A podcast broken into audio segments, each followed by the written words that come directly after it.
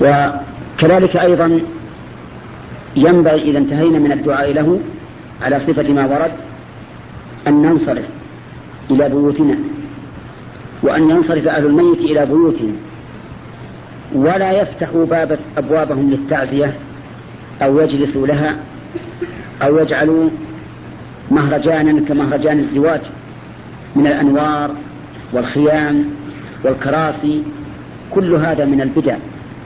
حتى قال بعض إخواننا المتأخرين إن هذا متلقا من غير المسلمين لأنهم هم الذين يفعلون هذا ليطردوا عنهم الحزن بهذه التجمعات ولكن السنة أن لا نفتح بابا ولا نجلس لأحد. من وافقنا في السوق في المسجد فليعز ومن لا يوافقنا فالتعزية ليست بواجبة. ثم إن التعزية أحسن ما تكون على الصيغة التي وردت عن النبي عليه الصلاة والسلام. وذلك أن رسول الله صلى الله عليه وسلم أرسلت إليه إحدى بناته تدعوه ليحضر أحد أولادها وهو ينازعه الموت. فجاء رسول المرأة إلى النبي عليه الصلاة والسلام وطلب منه الحضور.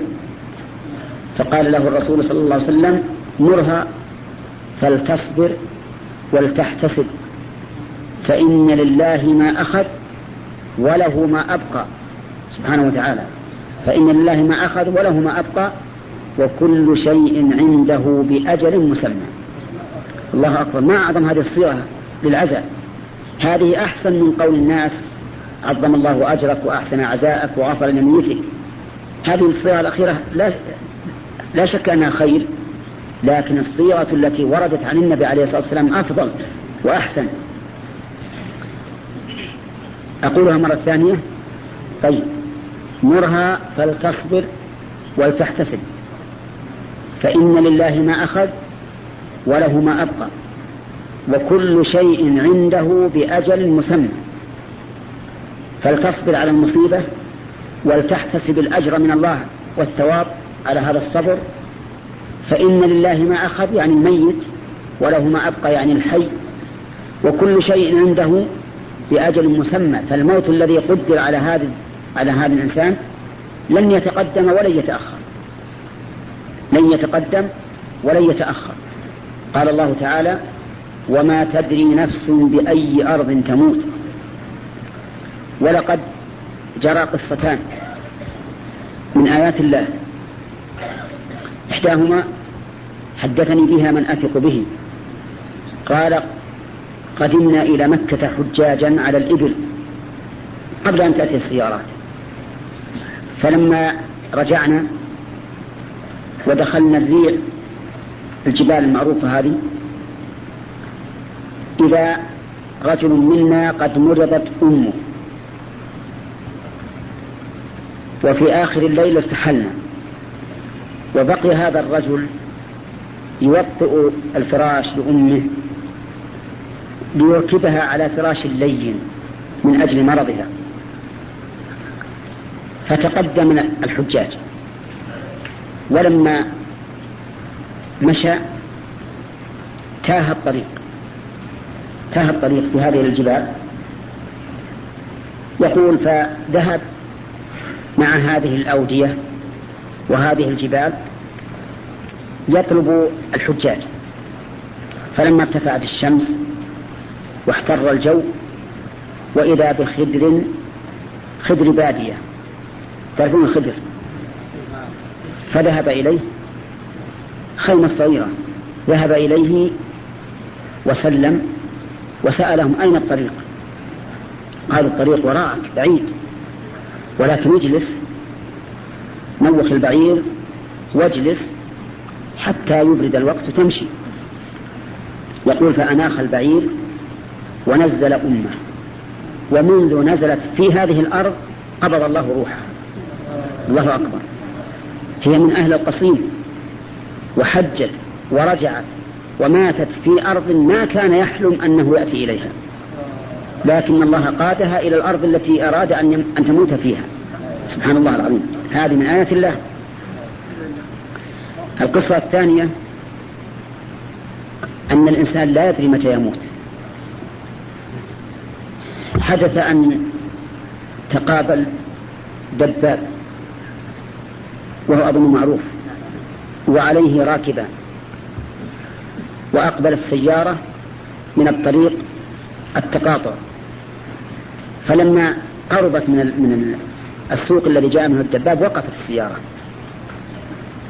يريد السائق أن يتجاوز إيش؟ أن يعبر الدباب. والدباب وقف يريد أن تعبر السيارة. في خلال ثواني تقدم الدباب وتقدم صاحب السيارة جميعا. واصطدما فمات الراكب المؤخر الذي على الدباب. شوف العبرة. كيف؟ يعني تأخر هذه اللحظات حتى يتم أجله. لم يتقدم بسرعة حتى تدعسه السيارة ولكن وقفت هذه وهذه ولما حان الأجل المحدد مشى كل منهما إلى الآخر فحصل الحادث. كل هذا يدلنا على على ما, على ما قاله الله عز وجل وكل شيء عنده بمقدار وعلى ما قاله الرسول عليه الصلاة والسلام كل شيء عنده بأجل مسمى. فهذا هو العزاء المشهور.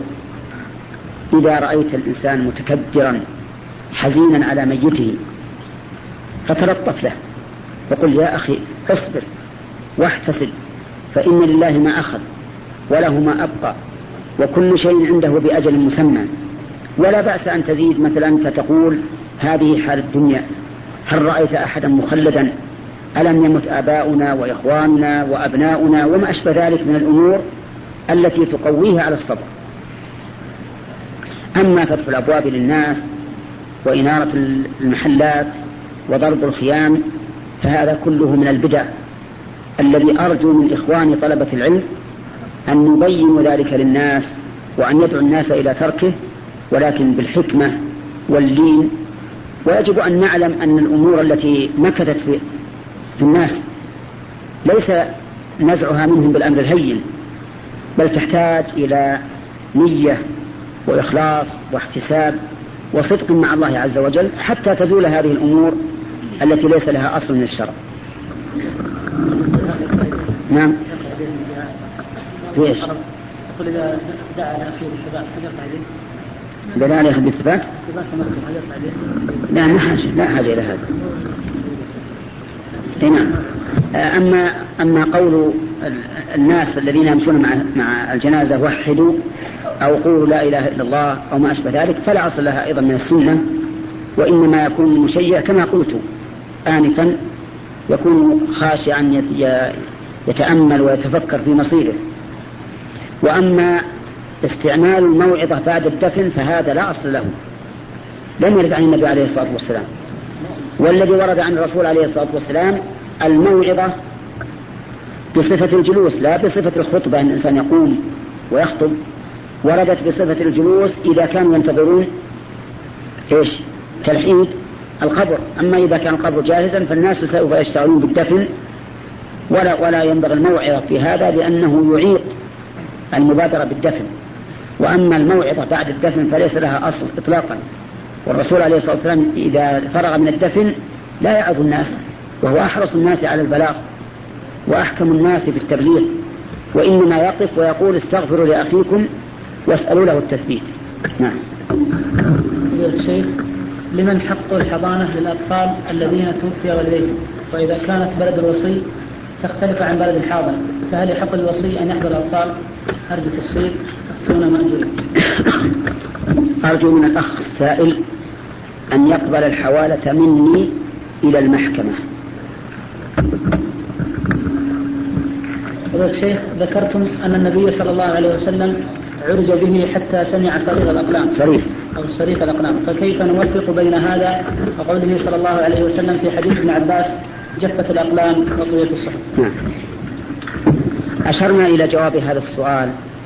وقلنا إن إن الأقلام التي سمع صريفها هي الأقلام التي تكون لتقدير الأمور اليومية. والله عز وجل يقول كل يوم هو في شأن. فالتقدير الأول الذي كتب في اللوح المحفوظ انتهى وفرغ. وأما التقدير اليومي الذي يكون كل يوم فهذا هو الذي سمع النبي صلى الله عليه وسلم صريف أقدامه يقول بعض الناس إذا سمع الإمام يقول إياك نعبد وإياك نستعين استعنا بالله. وإذا سمعوا بعض آيات العذاب يقولون لا حول ولا قوة إلا بالله أو أعوذ بالله. لا. نعم.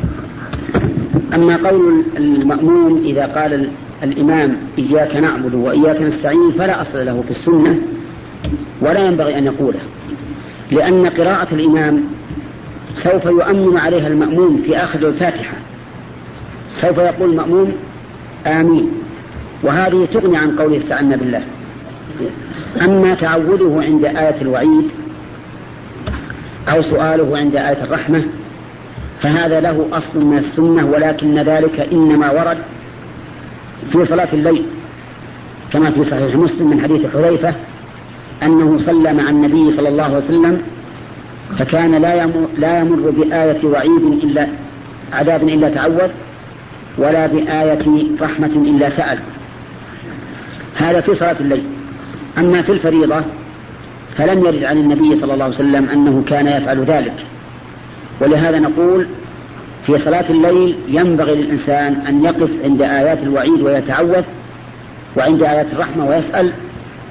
وأما في صلاة النهار فلم يرد ذلك عن النبي صلى الله عليه وسلم. ولكن إن فعل فلا بأس. والمأموم إن فعل أيضا فلا بأس بالشرط أن لا يشغله ذلك عن عن الإنصات لإمامه يقول بعض الناس في الركوع سبحان ربي العظيم وبحمده.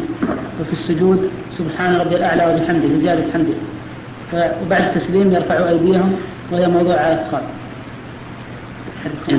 نعم. أما سبحان ربي العظيم وبحمده وسبحان ربي الأعلى وبحمده فلا أعلم عنها شيئا. والمعروف سبحان ربي الأعلى في السجود وسبحان ربي العظيم في الركوع فقط. وأما رفع الأيدي عند السلام رفعها عن الأفخاذ وتخبيط الأفخاذ بها فهذا لا أصل له. بل إن الرسول صلى الله عليه وسلم لما رأى أصحابه إذا سلموا أشاروا بأيديهم نهاهم عن ذلك وشبه ذلك بأذناب الخيل الشمس. تنفيرا لهم عن فعلها فعل كثير من الناس بعد أن يؤدي الصلاة ينفث في يده ويمسح عينيه.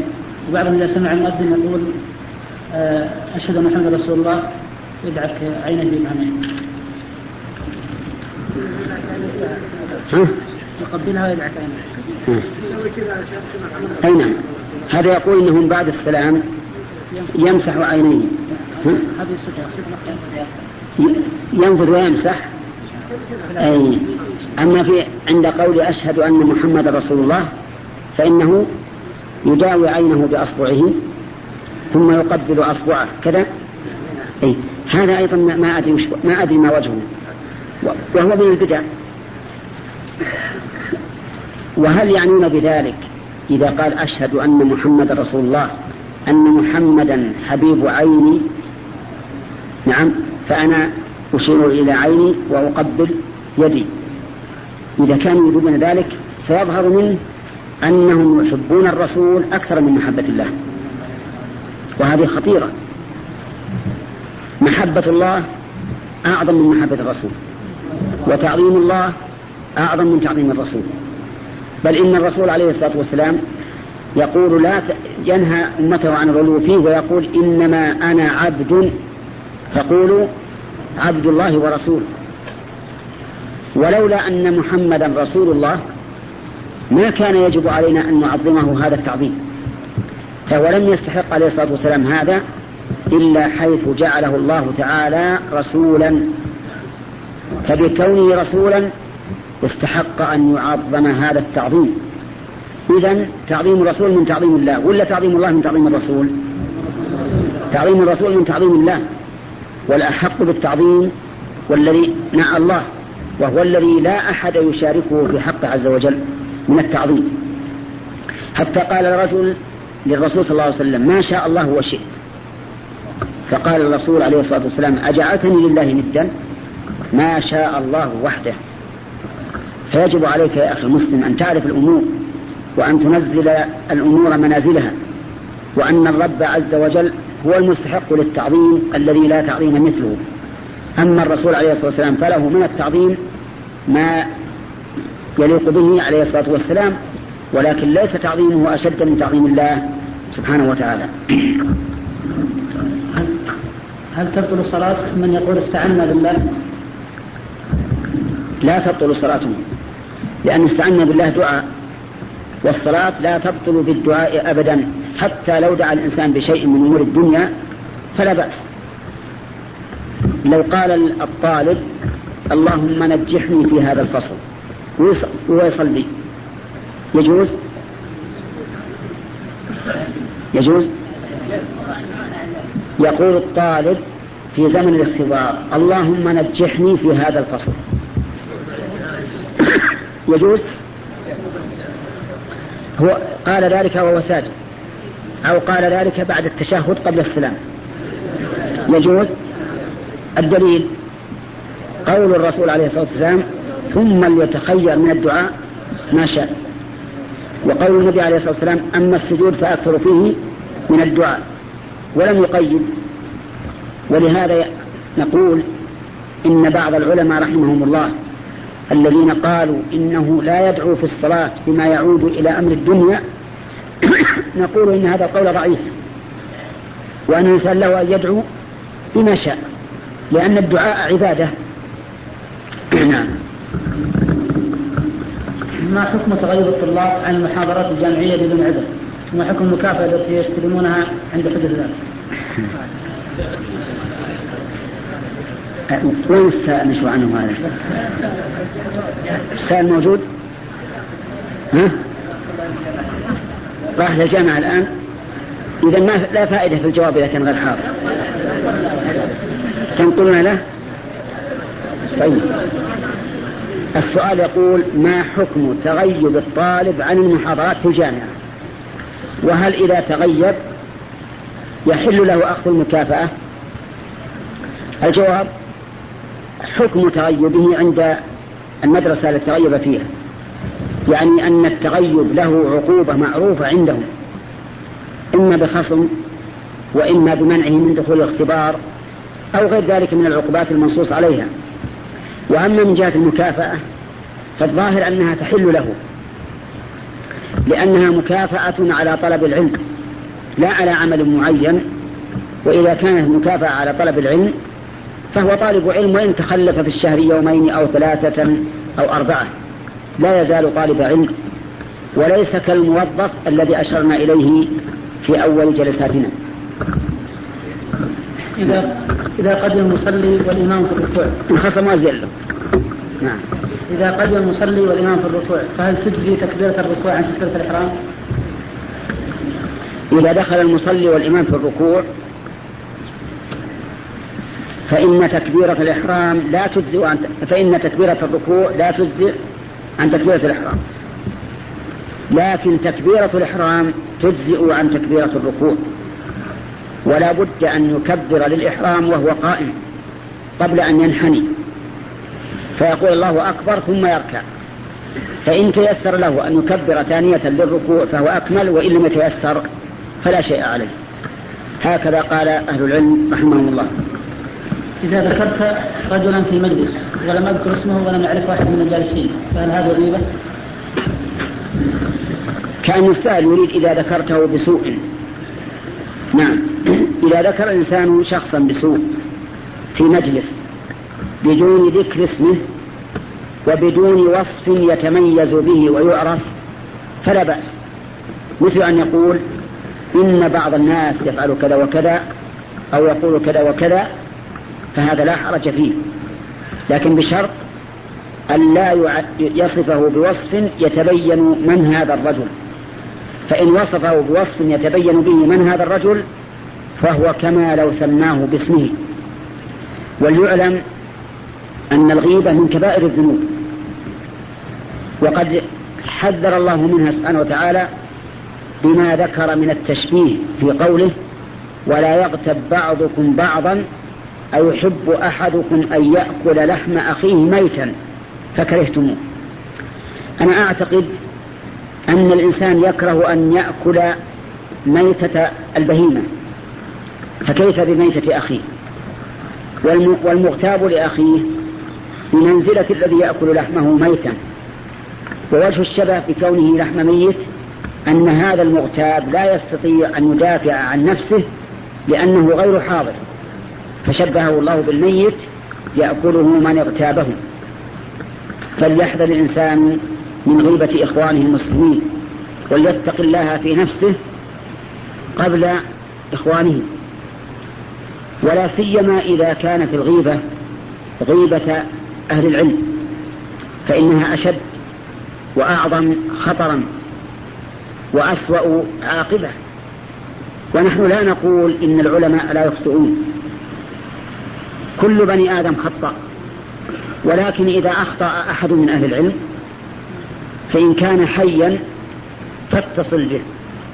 واسأله فربما يكون النقل عنه خطأ.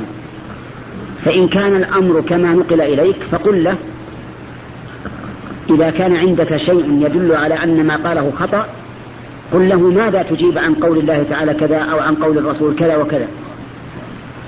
فإما أي فإذا ناقشك فإما أن يكون الصواب معك فالواجب عليه أن يرجع إلى قولك وإما أن يكون الصواب معه فالواجب عليك أن ترجع إلى قوله. هذا إذا كان حيا.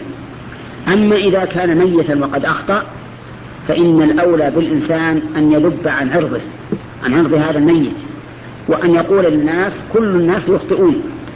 فمن الذي عصم من الخطأ؟ إلا من شاء الله تعالى عصمته. فعلى هذا لا يجوز لنا أن نغتاب أحدا من المسلمين حيا ولا ميتا لا سيما إذا كان من أهل العلم.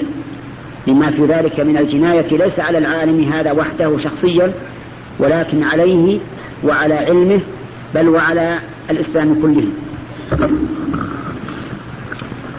شيخ هل مس المصحف للمتعة بدون طهارة يجوز؟ مس المصحف لا يجوز. بغير طهارة. لقول النبي صلى الله عليه وسلم لا يمس القرآن إلا طاهر. والطاهر هو الطاهر من الحدث بدليل قوله تعالى حين ذكر الطهارة في الوضوء وفي الغسل وفي التيمم قال ما يريد الله ليجعل عليكم من حرج ولكن يريد ليطهركم. فدل هذا على أن المحدث ليس بطاهر. فقال فإذا قال الرسول عليه الصلاة والسلام لا يمس القرآن إلا طاهر فالمراد إلا متطهر من الحدث. وأما قول من قال إن الطاهر يحتمل أن يكون المراد به المؤمن ويحتمل أن يكون المراد به المتطهر من الحدث ويحتمل أن يكون المراد به الطاهر من النجاسة وإذا وجد الاحتمال بطل الاستدلال. فإن هذا القول صحيح أنه إذا وجد الاحتمال بطل الاستدلال. لكن احتمال أن يكون المراد به المؤمن بعيد جدا لأننا لم نعهد من الشرع أن يعبر عن المؤمن بالطاهر بل كان يعبر عن المؤمن بوصف الإيمان. كقول الرسول عليه الصلاة والسلام لا يدخل الجنة إلا مؤمن. وإذا عبر بالطاهر فالمراد به المسلم المتطهر من الحدث. ولكن إذا كان في مقام التعلم فيجوز أن يلبس على يديه قفازين ويقلب المصحف من وراء هذه القفازين. هناك من يلقي موعظة أثناء الاجتماع لوليمة العرس الزواج فهل يجوز هذا؟ نعم. نعم يجوز أن يلقي موعظة في اجتماع الناس بالعرس. إذا اقتضت الحال ذلك مثل أن يشاهد منكرا أو يسمع منكرا فيقوم ويعظ الناس عن هذا المنكر وأمثاله أو يسأل عن أشياء فيتكلم عنها ويسمعه من حوله فهذا لا بأس به. أما اتخاذ هذه المجتمعات مكانا مكانا للمواعظ ففي نفسي من ذلك شيء. لأن الرسول صلى الله عليه وسلم قال للمرأة التي تزوجت هلا بعثتم معها من يغني؟ فإن الأنصار قوم يعجبهم اللهو. فالمقام مقام فرح وسرور بهذه المناسبة. وقول الرسول من يغني يريد بذلك الغناء المباح. الذي لا يصحبه موسيقى أو شيء من آلات اللهو المحرمة لأن المباح في في العرس هو الغناء النزيه النظيف ولا بأس أن يصحب بالدف وأما أن يصحب بالطبل أو بالموسيقى أو بالعود أو بالرباب فإن هذا لا يجوز. ما حكم ما يفعله طلبة العلم من ترك الصفوف الأولى في المسجد والصلاة مكان الحلقة المقام في الدرس حيث جاء في الحديث لا يزال قوم يتأخرون حتى يؤخرهم الله. نعم. نقول إن حضورهم للدرس ومجالس الذكر لا شك أنه من أفضل الأعمال. حتى قال الإمام أحمد رحمه الله العلم لا يعدله شيء لمن صحت نيته. قالوا كيف تصح النية؟ قال ينوي رفع الجهل عن نفسه وعن الناس. ولا شك أيضا أن التقدم إلى الصف الأول أفضل من التأخر. فتعارض عندنا الآن مصلحتان مصلحة العلم وتحصيله ومصلحة التقدم في الصف الأول. والعلم أفضل من التقدم إلى الصف الأول لأن العلم من الجهاد في سبيل الله. فحرص الإنسان على عليه أفضل من حرصه على أن يكون في الصف الأول. وإذا أمكن أن يجمع بين الأمرين فيكون في الصف الأول أو ما يليه ويحضر الدرس على وجه ينتفع بحضوره فهذا بلا شك أكمل. ولا يخفى عليكم جميعا أن رسول الله صلى الله, صلى الله عليه وسلم قال من سلك طريقا يلتمس فيه علما سهل الله له به طريقا إلى الجنة. هل ورد عن الرسول صلى الله عليه وسلم عند الدخول في الصلاة أن يقول اللهم أحسن وقوفنا بين يديك؟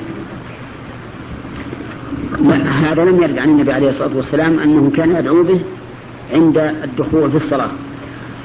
ولم يرد عنه دعاء بهذا ولا بغيره وإنما كان عليه الصلاة والسلام يكبر ويشرع في الصلاة. وقال للرجل الذي يعرف عند أهل العلم بالمسيء في صلاته؟ قال إذا قمت إلى الصلاة فأسبغ الوضوء ثم استقبل القبلة فكبر ولم يذكر له ذكرا أو دعاء مشروعا. يا شيخ رجل نسي صلاة رباعية في الحضر وفي السفر تذكرها فهل يقصرها أم يتمها؟ والعكس نسيها في السفر وذكرها في الحضر إذا نسي صلاة في الحضر وذكرها وهو مسافر فإنه يجب عليه أن يصليها أربعة. وذلك لأنها وجبت عليه كذلك فيجب أن يؤديها كما وجبت. وإذا نسي صلاة في السفر وذكرها في الحضر فإنه يصليها ركعتين فقط لأنها وجبت عليه ركعتين. فصار المشروع في حقه أن يصليها كما وجبت. وقد ذكر أهل العلم قاعدة في هذه المسألة وهي قولهم القضاء يحكي الأداء القضاء يحكي الأداء يعني يشابهه ويماثله. ويدل لذلك قول الرسول صلى الله عليه وسلم من نام عن صلاة أو نسيها فليصلها إذا ذكرها. ووجه الدلالة قوله فليصلها أي هذه الصلاة بعينها ووصفها. نعم. فضيلة الشيخ ما هو الزهد؟ هل هو ترك الطعام والشراب والإقلال منه؟ ترك الطعام والشراب ليس زهدا بل هو نكر عظيم. ولو أن الإنسان ترك الطعام والشراب على وجه يضر بدنه كان آثما. لقول الله تعالى ولا تقتلوا أنفسكم ولا تلقوا بأيديكم إلى التهلكة. وإذا كان الله سبحانه وتعالى أسقط عن الإنسان الوضوء والغسل إذا كان مريضا أو خاف على نفسه فكيف يذهب هذا الرجل ويدع الأكل والشرب على وجه يضره؟ هذا ليس بزهد. هناك زهد وهناك ورع زهد وورع فهل هما بمعنى واحد؟ يقول العلماء بينهما فرق. الزهد ترك ما يضر في الآخرة. نعم. الورع الورع ترك ما يضر في الآخرة. والزهد ترك ما لا ينفع في الآخرة. وعيد مرة ثانية ولا واضح؟ ها؟ الورع ترك ما يضر في الآخرة. والزهد ترك ما لا ينفع في الآخرة. من يفسر ذلك لي؟ طيب شوف كان أحد فاهمها. طيب واحد اثنين فقط ثلاثة. يلا قلها. نعم.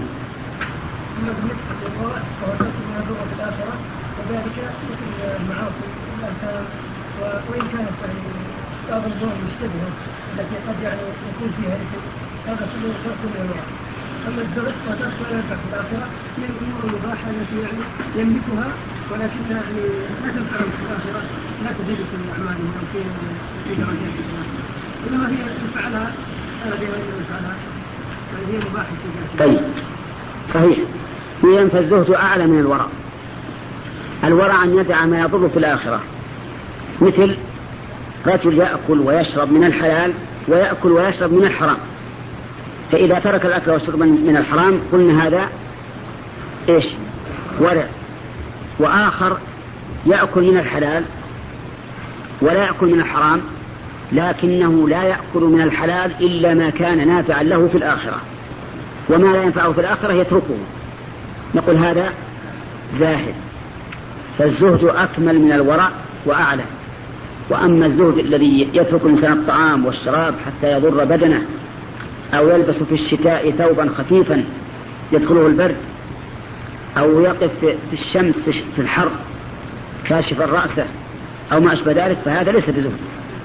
نعم. أدركت الإمام؟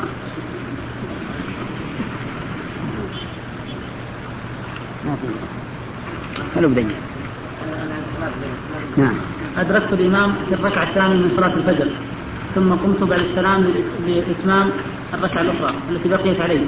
فنبه الإمام إلى أنه قد ترك سجدة في الأولى وقام ليأتي بركعة. ولم أتبع بل أتيت بالركعة وسلمت وانتهيت قبل الإمام. السؤال مفهوم الآن؟ آه. يقول إنه أدرك مع الإمام الركعة الأخيرة من صلاة الفجر. وسلم الإمام. وقام ليقضي الركعة التي فاتت. واضح الآن ولا لا؟ طيب. ثم ذكر الإمام أنه نسي سجدة من الركعة الأولى. والمصلي إذا نسي سجدة من الركعة حتى وصل إلى محلها من ركعة إلى محلها من الركعة التي تليها لغت الأولى وصارت الثانية بدلا عنها. هذا الإمام لما ذكر أنه ترك سجدة من الركعة الأولى قام وأتى بركعة تامة وسلم. وسجد للسهو. فعل الإمام صحيح. لكن هذا الذي قام ليأتي بما, بما فاته. هل يدخل مع الإمام؟ لما قام الإمام ليقضي الركعة الأولى أو يستمر في صلاته ويسلم. يقول هذا الرجل إنه استمر في صلاته وسلم ولم يدخل مع الإمام. فهل صلاته صحيحة؟ والجواب نعم صلاته صحيحة. وفي مثل هذه الحال يجوز أن يستمر في قضاء صلاته لأنه انفرد عن, عن الإمام معذورا.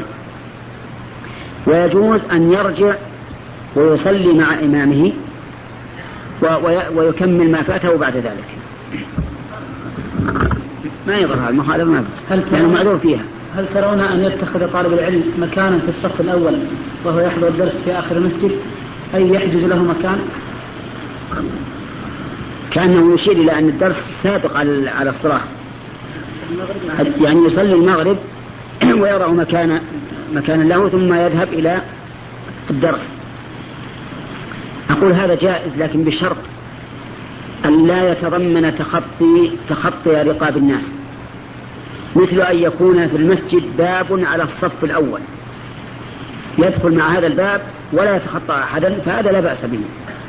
أما إذا كان يستلزم تخطي الرقاب فلا فلا يضع مكان فلا يضع شيئا يحجز به المكان بل يدع المكان ويحضر الدرس وإذا أقيمت الصلاة صلى في أي مكان يتيسر له. لا لا تكومه خليه يبدأ. فضيلة الشيخ ما حكم من يكتب مذكرات يومية لنفسه أي يكتب ما فعله في يومه كل كل يوم آه، من خير وشر الاحتفاظ بها ذكرها بعد حين. يقول ما حكم إنسان يقيد ما عمله كل يوم من خير وشر ليراجعه بعد حين؟ فالجواب على ذلك أن هذا بدعة وأنه ليس من عمل السلف الصالح. والإنسان قد يعمل طاعة في هذا اليوم ويتركها في اليوم الثاني. لأنه اشتغل بطاعة أخرى أهم منها. ولهذا كان الرسول صلى الله عليه وسلم من هديه أن يمشي حيثما تيسرت العبادة.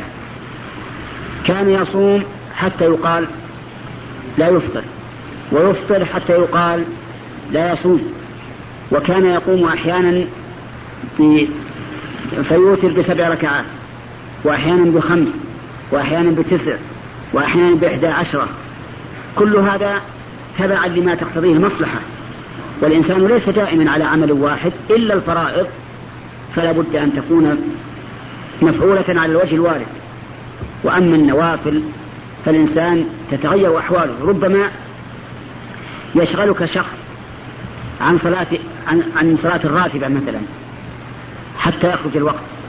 لكنك تشتغل به لمصلحة مصلحة تأليف أو تعليم أو صلة رحم أو إكرام ضيف أو ما أشبه ذلك. فالعبادات في الواقع لا يمكن أن تكون كل يوم على حد سواء. فضيلة الشيخ سمعتك تقول أن الذي لم يجود القرآن خيرات. فقال ابن الجزري الأخذ بالتجويد حتم لازم ومن لم يجود القرآن آثم. قال لي بعض الناس إن صواب البيت النسخ الخطية من لم يصحح القرآن آثم ولكن سواء كان هذا هو الصحيح في النسخة أو الصحيح من لم يجود القرآن آثم فإن البيت الأول والأخذ بالتجويد حتم لازم يدل على أن من لم يأخذ به فهو آثم لأن ترك الواجب يستلزم الإثم إلا أن يعفو الله عنه. والصحيح أن ذلك ليس بصحيح. القول الراجح أن التجويد ليس بواجب وأن الواجب إقامة الحروف بحركاتها التي, التي تقتضيها اللغة العربية. ولو قلنا بما يقتضي هذا البيت لكان أكثر الأمة الإسلامية اليوم آثمين لأن أكثرهم لا يقرؤون بهذا التجويد وهذا فيه إشكال. ولو قلنا إنهم آثمين إنهم آثمون لقلنا إنهم فعلوا محرما وفعل المحرم يبطل الصلاة فتكون صلاة أكثر المسلمين باطلة. وهذا لا يقوله أحد. ثم إننا نقول كان الرسول عليه الصلاة والسلام يقرأ فيمد الله ويمد الرحمن ويمد الرحيم. وهذا على القواعد قواعد التجويد ليس ليس بجائز. لأن مد الله والرحمن والرحيم مد طبيعي والمد الطبيعي هو الذي لا يزيد على إمكانية النطق بالحرف. إلا إذا وقف. إذا وقف فنعم يزيد على المد الطبيعي. فالمهم أن القول الراجح أن أن التجويد ليس بواجب وإنما الواجب إقامة الحركات على ما جاء على ما تقتضيه اللغة العربية وعلى ما جاءت به الرواية والنقل في القراءات أرجو من فضيلتكم التفصيل في حكم القصر والجمع في الصلاة لأنه كثرت فيه الأقاويل. القصر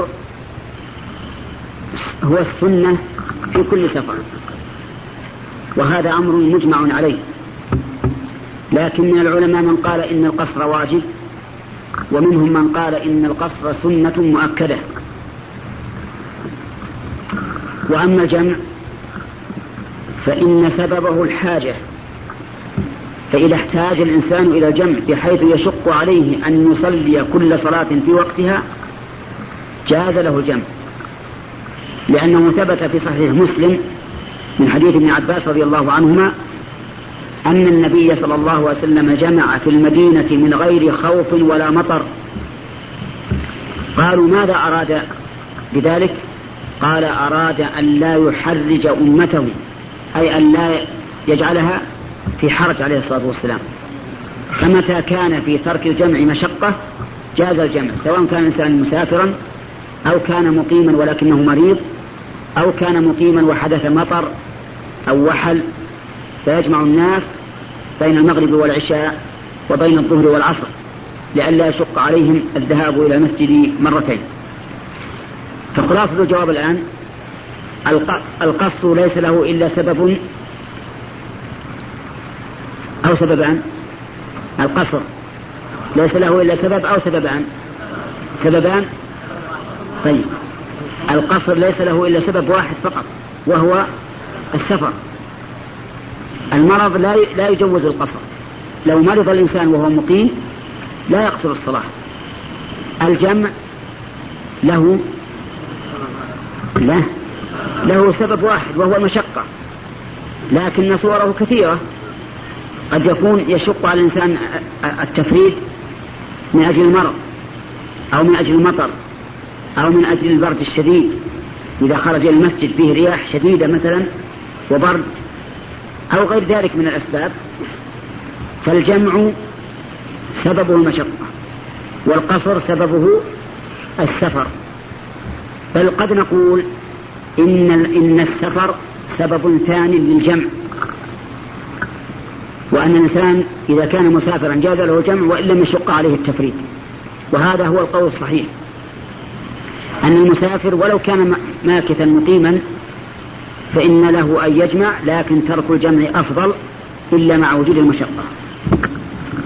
فضيلة الشيخ ما رأي فضيلتكم في بعض الشباب وفقهم الله الذين يقولون إن الجامعة ليس فيها علم وإن العلم في الحلقات عند المشايخ فقط لأن النية تختلف في الجامعات ولأن أكثرهم يهتمون بالشهادة ولأن بعض المدرسين عليهم ملاحظات وهمهم الاختبار. نعم؟ إيش؟ سؤال جيد وغير جيد. نعم. هذا يقول الدراسة في الجامعات ليس فيها ليس فيها علم. وهذا ليس بصحيح. فالمناهج في الجامعات مناهج قوية جيدة فيها علم علم كثير. لكن إذا فات العلم فليس من من المناهج بل هو من من الطالب. لا يهتم بالعلم. ثانيا يقول إن النية ها؟ تختلف. تختلط. يعني نية الدين ونية الدنيا. وصحيح أنه لا بد أن يكون طالب العلم يريد بالعلم إرادة شرعية. لا يريد الدنيا. ولكن ولكني أقول إنه أي طالب العلم في الجامعة لا يريد الشهادة من أجل المرتبة أو الراتب. يريد الشهادة من أجل أن ينفع الناس. لأنه لأن لأننا الآن أصبحنا لا ندخل في مجال التعليم إلا من كان معه شهادة. ما أدري لو جاء شيخ الإسلام ابن تيمية ليدرس في الجامعة. هل نقبل أن يدرس في الجامعة ولا نقول هات الشهادة؟ لا لا. حسب النظام نقول هات الشهادة. ادخل في الاختبار وإذا نجحت خلناك تدرس. فأقول أقول إن أصبحت الأنظمة الآن تقيد طالب العلم تقيده من النفع إلا إذا دخل الاختبار وأخذ الشهادة. فإذا أخذ الإنسان الشهادة أو درس من أجل الشهادة ليتوصل إلى الدخول في التدريس وقيادة الأمة في أمور أخرى فهذه نية سليمة طيبة وليس فيها شيء. نعم لو أراد الشهادة لأجل أن ينال المرتبة يكون في المرتبة الخامسة عشرة. أليس كذلك؟ إذا تخرج يكون في المرتبة الخامسة عشرة. يقول أنا مثلا أخذت الشهادة لنيل المرتبة الخامسة عشرة. يقول هذه نية دنيئة إذا كانت العلوم علوما شرعية وقد ورد في الحديث أن من طلب علما مما يبتغى به وجه الله لا يريد إلا أن ينال عرضا من الدنيا لم يرح رائحة الجنة والعياذ بالله. فإذا فالمهم أن, أن علوم الجامعات علوم قوية وجيدة